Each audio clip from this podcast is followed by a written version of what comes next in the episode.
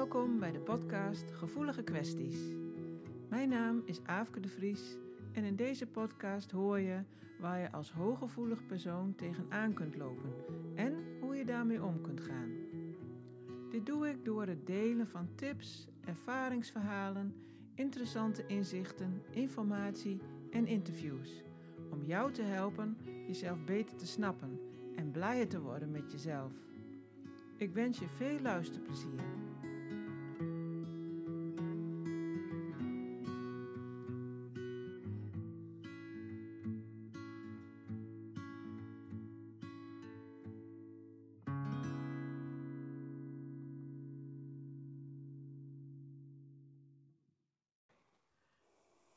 Aflevering van de Gevoelige Kwesties podcast praat ik met Jacqueline Koopmans van Tra- On-track spiegelcoaching. On Track Spiegelcoaching. Welkom Jacqueline. Dank je. Zou je eerst eens iets kunnen vertellen ehm, over wat jij doet, waar jij werkt en hoe, het, eh, hoe jouw eigen praktijk eruit ziet? Ik werk eh, deels bij uh, Tactus in de verslavingszorg als eh, eh, ambulant behandelaar. Eh, en ehm, deels heb ik mijn eigen praktijk, On-track spiegelcoaching, hier in Zwolle. En daar eh, ja, doe ik een beetje spirituele begeleiding en ehm eh, trauma healing met EFT. En, maar eigenlijk gaat het meer en meer steeds de kant op dat ik mensen ondersteun in hun ascensieproces. Oké.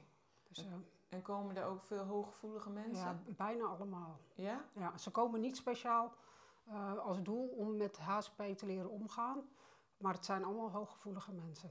Ja. Zo, en ook, ook binnen de verslavingszorg merk ik dat. Ja, hè? Ja, Ja, dat heb ik ook gemerkt. ja en, en ik, daarmee wil ik niet zeggen dat, dat iedereen binnen de verslavingszorg dat die hooggevoelig is.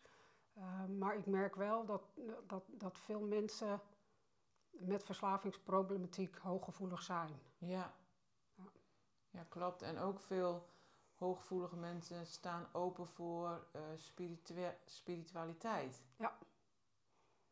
Ja. Dus dat eh, merk je dan in jouw praktijk ook. In mijn praktijk sowieso, want dat, dit, dit, dat is ook gewoon spirituele hulpverlening. Maar ik merk ook binnen de verslavingszorg dat ook al komt iemand bij mij om ehm, aan zijn verslaving te werken, dat een, een, natuurlijk ook een hele hoop niet, maar dat daar ook een heel groot aantal is die uit zichzelf beginnen over spiritualiteit.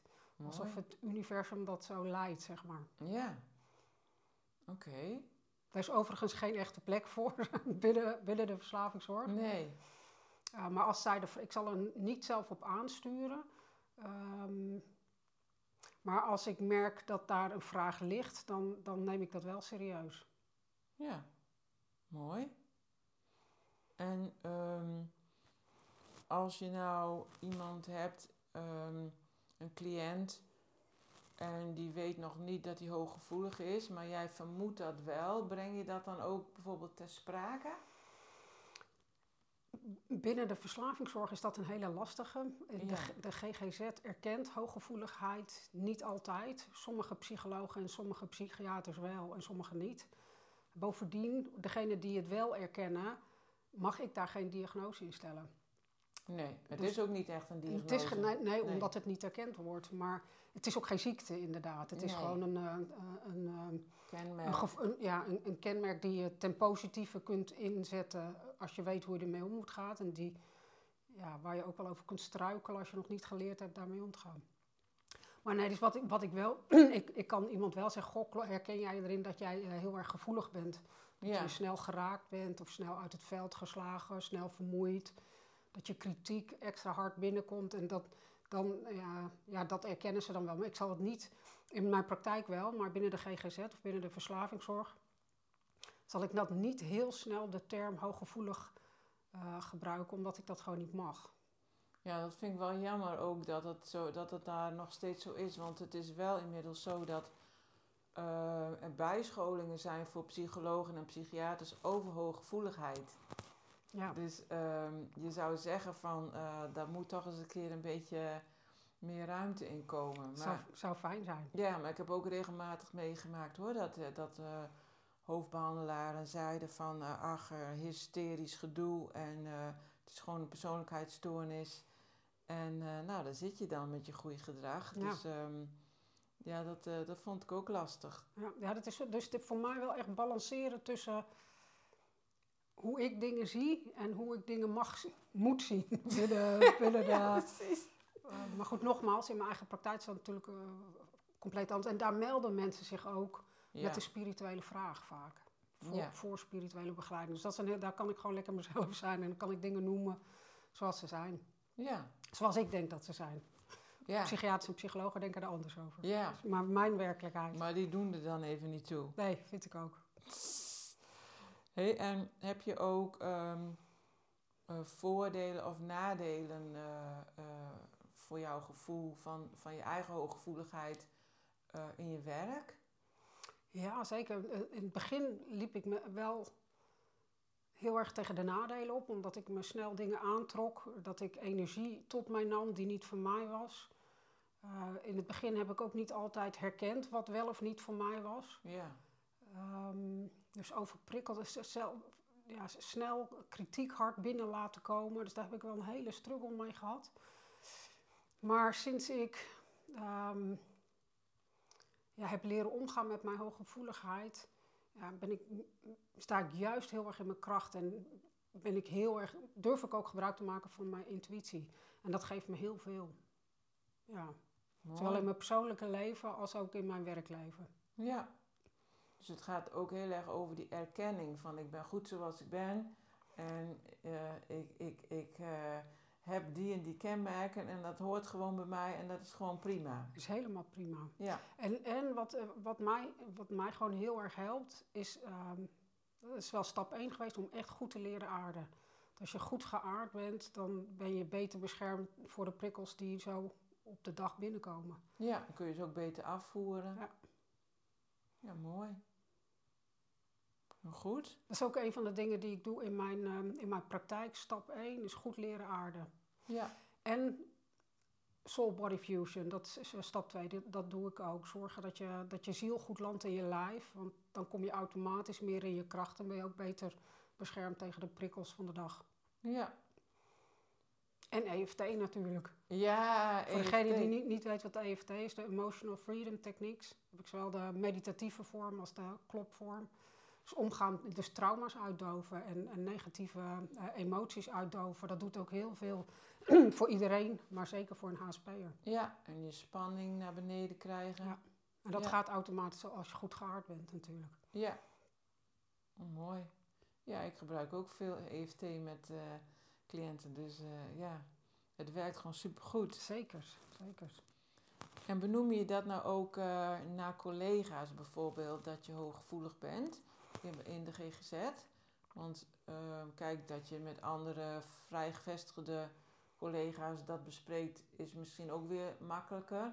Maar ja, Ja, ik, eh, is, is een lastige, want het wordt gewoon niet volledig erkend. Dus bij Oh, ja. sommige collega's die zelf ook HSP zijn en eh, openstaan voor spirituali- spiritualiteit, dan, dan kan dat wel. En dat hoeft niet eens meer besproken worden, omdat we het nu van elkaar weten. Maar ja, ja, voor degene die het niet serieus neemt, nee, dat, daar bespreken we het niet. Maar het, speelt Nee. ook minder een rol nu. Het, nou ja, het speelt natuurlijk eh, elke dag een rol, maar omdat ik er beter mee om kan gaan. Ik laat mij niet meer omver... Vroeger liet ik me echt omverblazen, dus dan zou ik het heel naar gevonden hebben als ik niet erkend werd daarin. Of dat iemand mij... eh, nou ja, dan heb je weer zo'n... eh, zo, zo, zo'n zo'n zwever. ja, ja Zoiets. dat. Ja. Ik wil zeggen zo, zo'n heks, maar wat ik als een positief eh, eh, eh, titel ervaar, maar wat niet altijd als positief wordt Nee. bedoeld. Zweefteef, eh, maak ervan wat je wil. Nu maakt me dat niet meer uit. Dus zou ik, vroeger zou ik daar wel heel veel last hebben gehad als, een, als mijn collega psychiaters en psychologen mij als een dom klein meisje zouden ehm, aanwijzen. Nu ah, weet, doen ze dat niet, want ze, ze erkennen mij voor wie ik ben, voor, voor de kennis die ik heb en de ervaring die ik heb. En dat ik ook gewoon goed werk kan doen. Ehm, maar het zou me ook eigenlijk niet meer raken als ze dat wel zouden vinden. Nee, precies. Dat is het fijnste, dat het niet meer uitmaakt wat een ander vindt. Dan ben je Ja. eigenlijk vrij, hè? Ja, ja.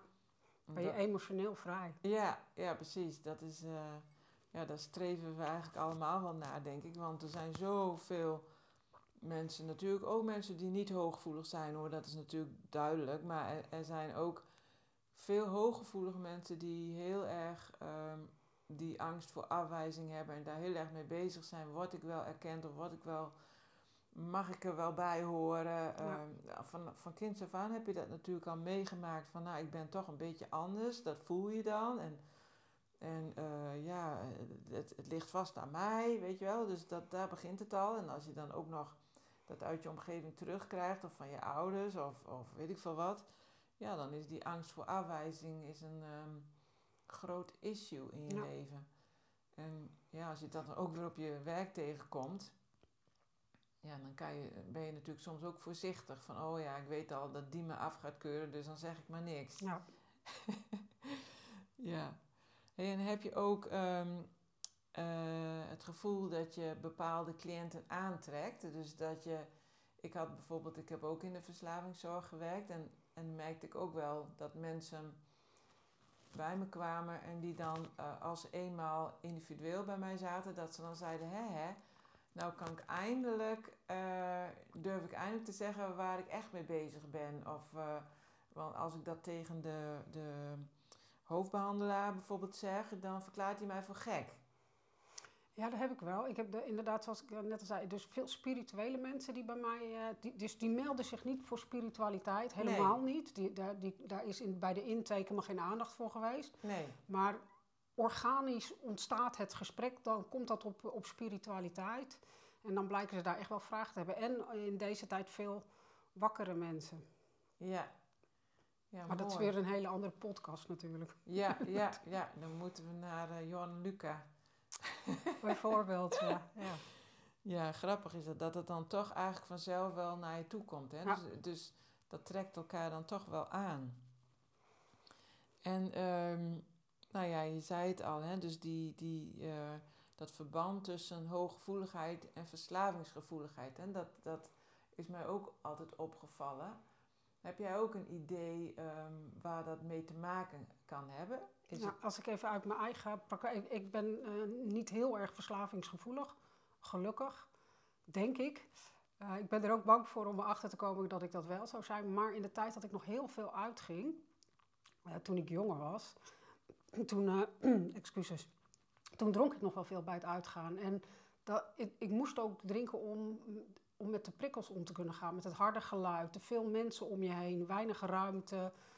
Um, als ik dat nu zou doen, terwijl ik niet. Uh, niet dat ik nou zoveel drink hoor, maar als ik gewoon geheel nuchter in die situatie. Ja, dan raak ik bijna in paniek. dan dan raak, word ik zo overweldigd. Uh, dat, dat, dat trek ik gewoon niet. Dat wil ik hoef ik ook niet meer te trekken van, me, van mezelf. Maar toen ik jonger was en ik nog wel twee, drie, vier, vijf keer per week uitging en dan dronk ik daar wel bij, anders had ik dat niet kunnen doen. Ja, dus het eh, echt verdoven of dempen. Het, het dempen van prikkels, ja. Ja. Ik, nogmaals, ik wil hier geen uh, conclusies trekken of maar. Nee. Uh, dat is wel hoe het bij mij heeft gewerkt en hoe ik me kan voorstellen dat dat ja, binnen de verslavingszorg ook ja. werkt. Ja, ik heb ook wel gemerkt dat het ook de functie uh, kan hebben van um, dat je dan wat uh, meer durft en dan wat vrijer wordt. En dat omdat, omdat ze vaak ook het gevoel hebben van, oh jee, hoor ik er wel bij en ben ik wel goed genoeg? Wat vinden ze van mij?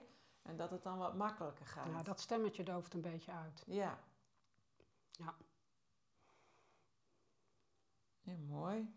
Nou ja, en um, wat doe jij dan nu zelf om um, om te gaan met die prikkels, zeg maar?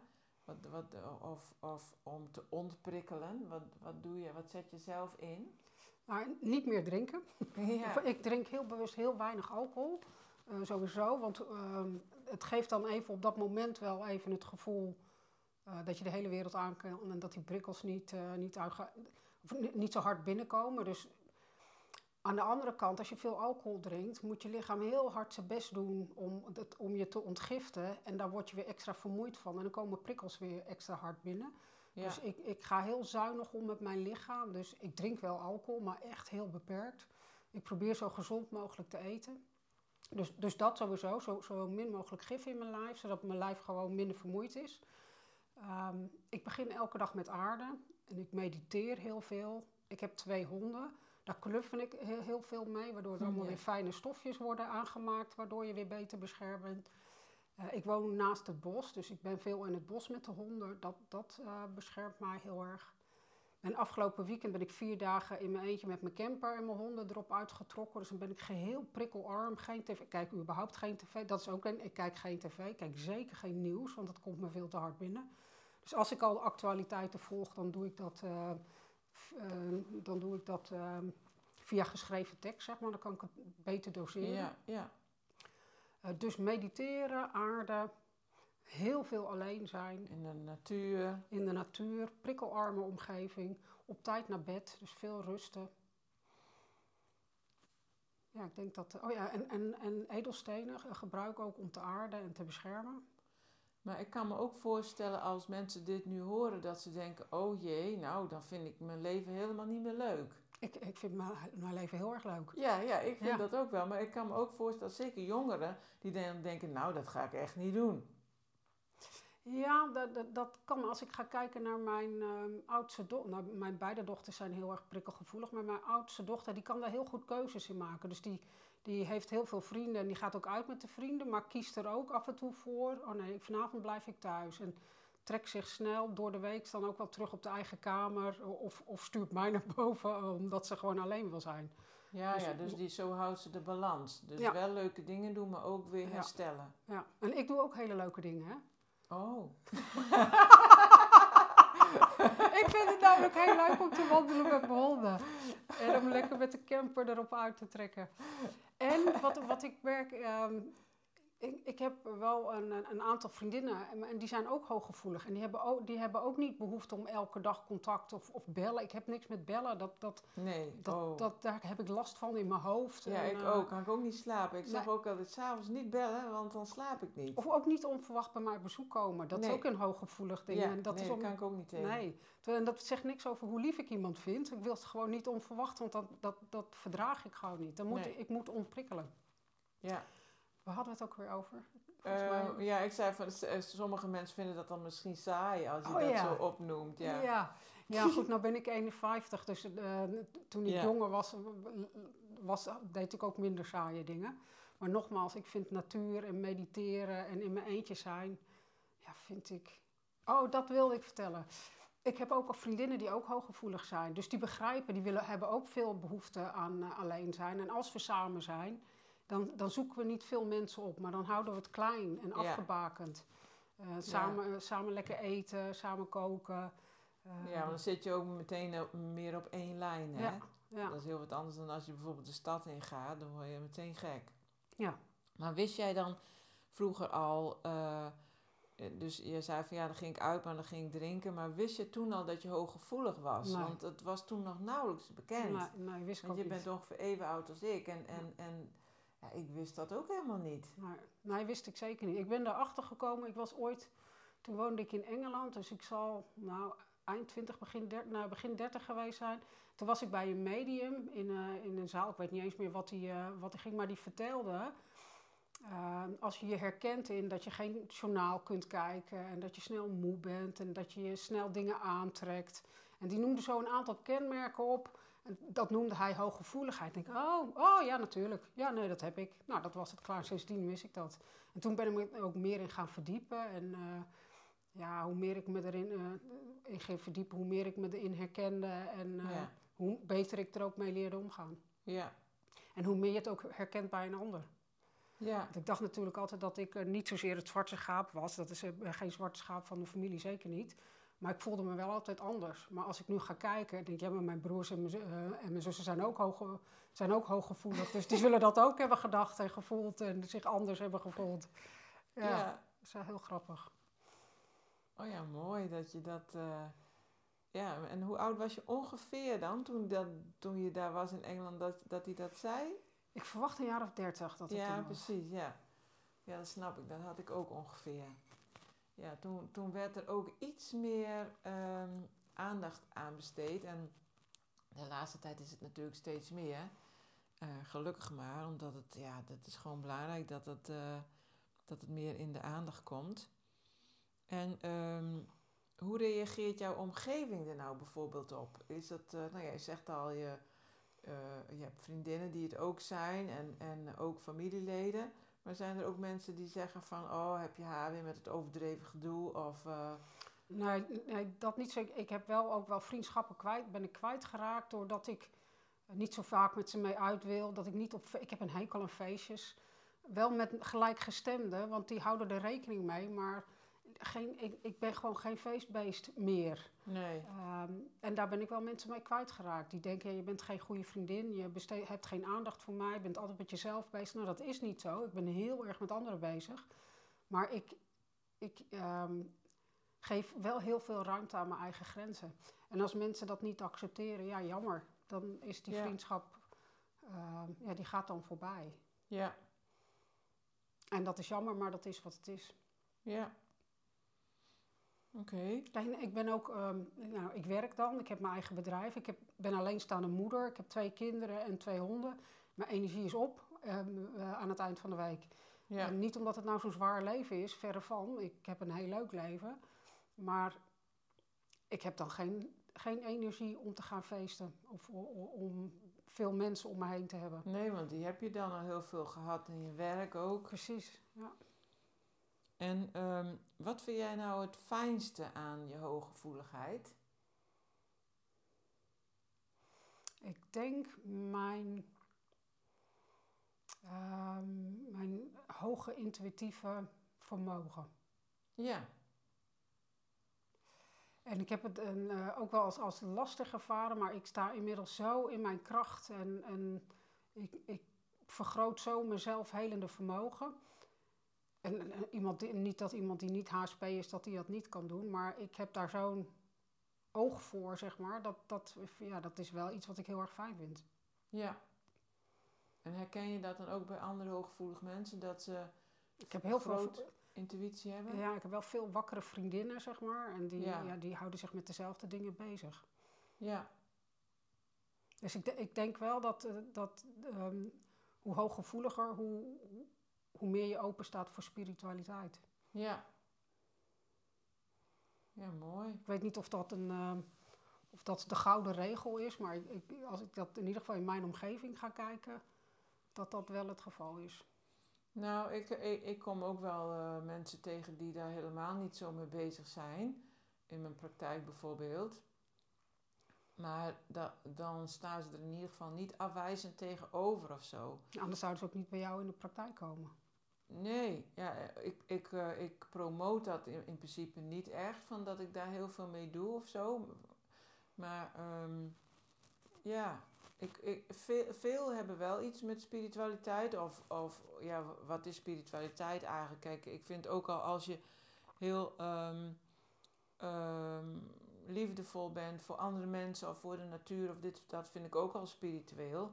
Maar eh, heel vaak hebben mensen wel gevoel voor ehm, energie of voor of zijn ze bezig met reiki bijvoorbeeld of uh, um, uh, weten ze zeker dat ze een ziel zijn of dat soort dingen. Dat is dan ook, dat is ook al spiritueel. Ja, dus het is niet dat je allemaal heel interessante dingen allemaal moet doen. Of, Kijk, in wezen is, is, is elk object met een bewustzijn ja. is spiritueel. Ook objecten zonder bewustzijn zijn spiritueel, want we zijn allemaal onderdeel van het universum en we houden allemaal verband met elkaar, of we nou bezieling hebben of niet. Dus, maar ik bedoel daarmee dat uh, iemand met een spiritualiteit heeft met mij met verruimd bewustzijn uh, te maken. Dus inderdaad de erkenning dat wij allemaal energie zijn, dat we allemaal verbonden zijn met elkaar. Dat het de bedoeling is dat we allemaal ons goddelijke licht integreren in ons leven en in ons zijn en in, in ons lichaam. Ja. Dat, dat zie ik. Of maak ik het nou meteen weer te hoogdravend met mijn goddelijk licht? Nou ja, dan mag iedereen denk ik zelf uh, kijken van wat hij uh, ja, wat daarmee kan. Als het voor jou zo is, dan is het toch gewoon zo. Ja. Ja. Ja, dat is, dat is gewoon uh, helemaal goed hey, en uh, doe jij ook iets met het innerlijke kind? Want ik vind dat ook. Um, het is natuurlijk van, ook van de vormwereld, om het zo te zeggen, van het aardse leven. Het, hè, dus je, je, je kindherinneringen en wat daardoor gevormd is, je emoties, die van het oude pijn bijvoorbeeld, of eh, oude overtuigingen. Maar ik vind het ook wel weer een spiritueel eh, aspect hebben. Ja, ik ik ehm, heb in zoverre natuurlijk aandacht voor het innerlijk kind, omdat bij mij in de praktijk ook, eh, wordt heel veel aandacht besteed ook aan EFT, dus trauma's eh, die in kindertijd eh, zijn ontstaan. Ja, En nou iemand met, met hooggevoeligheid, dat, daar hoef je niet eens hele extreme trauma's voor mee te maken om je getraumatiseerd te voelen, omdat Precies. dingen versterkt binnenkomen. ja, En dat gebeurt in de eerste zeven levensjaar. Bij, daar, ja, Dus, dus ogenschijnlijk kleine dingen hebben een grote invloed op een HSP-kind. ja, Dus dat komt wel vaak terug bij mij in de praktijk. Dus dat je, dat je daar nare situaties uitdooft. ja, En, en ehm, ik benoem het ook wel eens, maar het eh, is niet iets wat structureel in mijn praktijk naar voren komt. nee, Dus indirect wel en direct soms en soms niet. ja. En sommige mensen vinden dat namelijk ook al een zweverige term, Ja. het innerlijke kind. Ja, dat vind ik altijd zo grappig, terwijl het voor mij zo concreet is. Zo, en zo, ja, precies. Ja. Zo vanzelfsprekend. Ook vanzelfsprekend, maar ook zo, eh, zo aard eigenlijk. Want het is toch iets wat je hebt meegemaakt als kind. Maar zij, zij, zij denken dan, ja, maar dat is voorbij. Maar het zit al heel veel, ja, het zit nog in je opslag natuurlijk. Dus ik vind het vaak helemaal niet zweverig. Maar ik heb dat wel gemerkt, dat, ik- vergeet dat nooit meer. Dat ik net o- op de verslavingskliniek werkte. En eh, daarvoor had ik in een groepspraktijk eh, gewerkt. En dat was, ja, dat was toch wel wat spiritueler gericht. En toen kwam ik dus daar. En toen was e- echt volgens mij de allereerste teamvergadering. Dus het ging over cliënten. En er zat zo'n eh, ja, zo'n soort verslavingsarts. Die zat dan allerlei dingen op te lezen. Weet je wel, Eh, cliënt gebruikt zoveel eenheden alcohol. Ehm, cliënt heeft zoveel kinderen. Cliënt eh, werkt zoveel uur. En, en de eenheden alcohol zijn in het weekend drie keer zoveel. Weet je, allemaal van die, van die, van die dingen. En ik zat zo wat te kijken. Ik denk, nou, oké, het gaat eigenlijk helemaal nergens over. En, en toen, er waren nog wat andere dingen die er verteld werden over hem, over zijn eh, verleden of zo. En toen ineens zei ik, oh, maar hij heeft gewoon helemaal geen contact met zijn innerlijke kind. Waarop die hele vergadering stilviel. en iedereen in een soort van shock zo naar mij keek. En ik een trap onder de tafel kreeg van een andere collega die wel wist eh, dat ik een beetje anders in elkaar zat. En eh, toen zei die arts, die keek mij niet eens aan, die bleef naar zijn papier staren en die zei alleen maar, daar werken wij hier niet mee. En toen ging de, hè? ja, en toen ging de vergadering weer verder. Nou, echt, ik vond het echt fascinerend. En toen later, ik denk nou acht of negen jaar later, ik weet niet precies meer, kwam de schematherapie. Ik wilde, in wilde, ik, ja, Ja. wilde ik net gaan En toen vertellen. gingen ze dat helemaal doen. Ja. De schematherapie, dat was geweldig. Nou, en wat is het hoofdbestanddeel? Al die kindmodi. Ja. Dus allemaal over het innerlijke kind en over ja, gekwetste kind. Van allemaal dingen van vroeger. En dan moet je... Nou, echt fascinerend. Toen stond het op papier en toen ineens mocht het wel. Ja, en dat is hetzelfde met EMDR. Hè. Dat werd ook eerst er tegenaan geschopt, want het kwam uit de alternatieve scene. Oh ja? Het is nu helemaal erkend en mag inmiddels ook echt alleen, het wordt alleen maar vergoed als het door eh, iemand die ja. wetenschappelijk is opgeleid Ja. is, is gedaan. Terwijl EFT, wat jij en ik doen. Ja, en- en- is inmiddels ook eh, wetenschappelijk bewezen. Ja, maar nog niet erkend. Nee, niet erkend. Niet erkend, maar ja, zeker, er is heel veel Daarom wetenschappelijk wordt het niet bewijs voor. vergoed. Ja. Ja, dus dat duurt va- vaak nog een aantal jaren langer. Ja, maar We hebben een lange adem. Ja, precies. We gaan gewoon door. Ja. Hé, hey, hartstikke mooi. Nou, we hebben al heel veel heel mooie eh, thema's gehad. Ehm, heb jij ook nog een tip voor andere HSP's?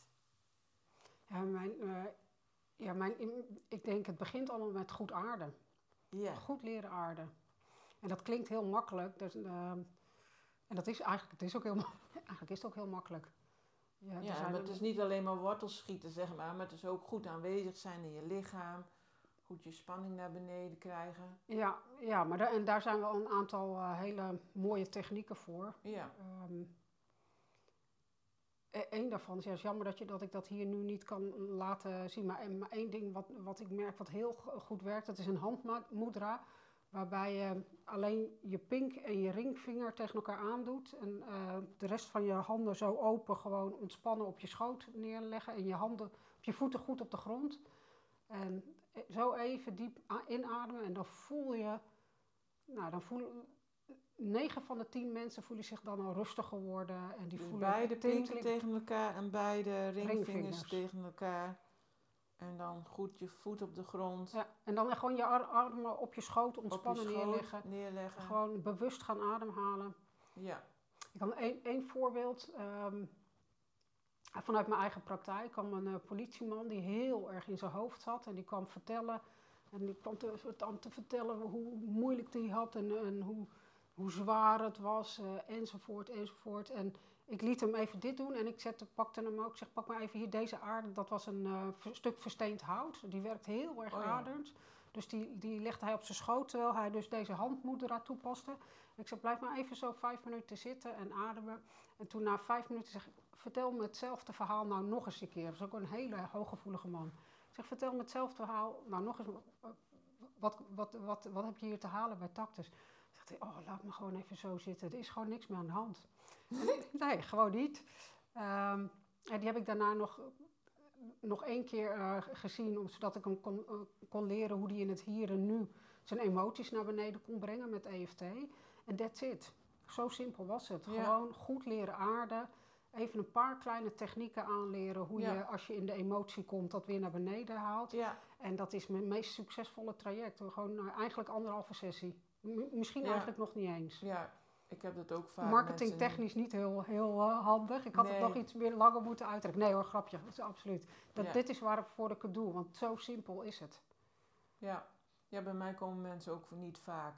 Dat is niet nodig. En, en je kan heel lang eh, erover praten, maar als je dit soort praktische oefeningen, ervaringsgerichte oefeningen doet, ehm, hebben mensen veel meer aan. Want ik krijg zo vaak mensen die zeggen: Ja, ik heb nu wel helder wat er dan allemaal precies is. En die zijn dan bij een psycholoog geweest en waar het allemaal vandaan kwam en dit en dat. Maar ik voel me nog steeds hetzelfde. En dan denk ik, ja, omdat je niet eh, hebt geleerd wat je nou met je lichaam en je, eh, ja, ja, eigenlijk met je lichaam en je energie kan doen om je anders te voelen. En dat, Ja. is, dat is eigenlijk helemaal niet super moeilijk. Nee. Ik wil niet zeggen dat, dat iedereen bij mij zo kort is hoor. Want iemand die echt Nee. voor een groot trauma komt, die kunnen Ja. echt wel hele lange, eh, Klopt. lange tra- trajecten eh, aangaan. Ja, En ehm, sommigen blijven ook, ook als ze eigenlijk de trauma's allemaal hebben uitgedoofd, blijven ze één keer in de zoveel tijd komen om, ja, voor, voor de chakra-balans. Eén Ja. keer in de twee, drie maanden. Omdat, gewoon puur omdat ze dat heel prettig vinden. Omdat ze dan weer helemaal in de rust worden gezet. Ook mensen met, ehm, met ADHD, dat zijn ook vaak HSP'ers. ja, Ehm, die, komen dan, die, voelen dan, ja, die kunnen dan weer een paar dagen heel goed slapen. Hebben veel minder eh, prikkels in, in, in, in de hoofd. Veel minder dat hun gedachten heen en weer schieten. Dat ze gewoon lekker in het hier en nu, lekker rustig. ja, Dus hè, sommigen die blijven ook wel wat langer terugkomen daarvoor. ja. Maar ehm, ik gaf dit voorbeeld, dit, de- deze was wel heel snel hoor, dit traject. maar het ging dus puur om het aarden. Ja, Als je, als je geaard bent en dus minder in je hoofd en dus minder valt in je hoofd meer naar je hart afzakt en aandacht ehm, met je energie, dus je voeten in de grond letterlijk, ja. dan, dan dat is het halve werk. Hey, en hoe kunnen mensen eh, jou vinden? Is het... eh, www.ontrackspiegelcoaching.nl ontrackspiegelcoaching.nl Dus O-N-T-R-A-C-K, ontrackspiegelcoaching.nl En anders als ze googlen op Jacqueline Koopmans, dan vinden ze jou ook wel. Ja. Jacqueline Koopmans Zwolle, ja. Zwolle, ja. Want er zijn meerdere Jacqueline Koopmans in Nederland, maar de Oh. Jacqueline Koopmans Zwolle, dan eh, kom je er ook bij. Oké. Nou, ik wil je heel erg bedanken voor dit eh, interview. Dankjewel. Dank je, jij, jij bedankt hiervoor. Heel leuk. Graag gedaan. Dankjewel. Wil je meer weten over jouw hooggevoeligheid en hoe je ermee om kunt gaan? Kijk dan eens op mijn website, waar je als deelnemer toegang kunt krijgen tot alle trainingen, waardoor jij in balans kunt komen en blijven. Ga naar www.dathebiknoualtijd.nl voor meer informatie en om jezelf in te schrijven. Is er een onderwerp waar je graag een podcast over wilt horen? Of ben je benieuwd naar een interview met iemand? Laat het me weten. Ken je iemand die deze podcast interessant zou kunnen vinden? Stuur hem dan gerust door. En als jij dit een waardevolle of leuke podcast vindt, dan zou ik het heel erg waarderen als je een review achterlaat. Bedankt voor het luisteren en tot de volgende keer.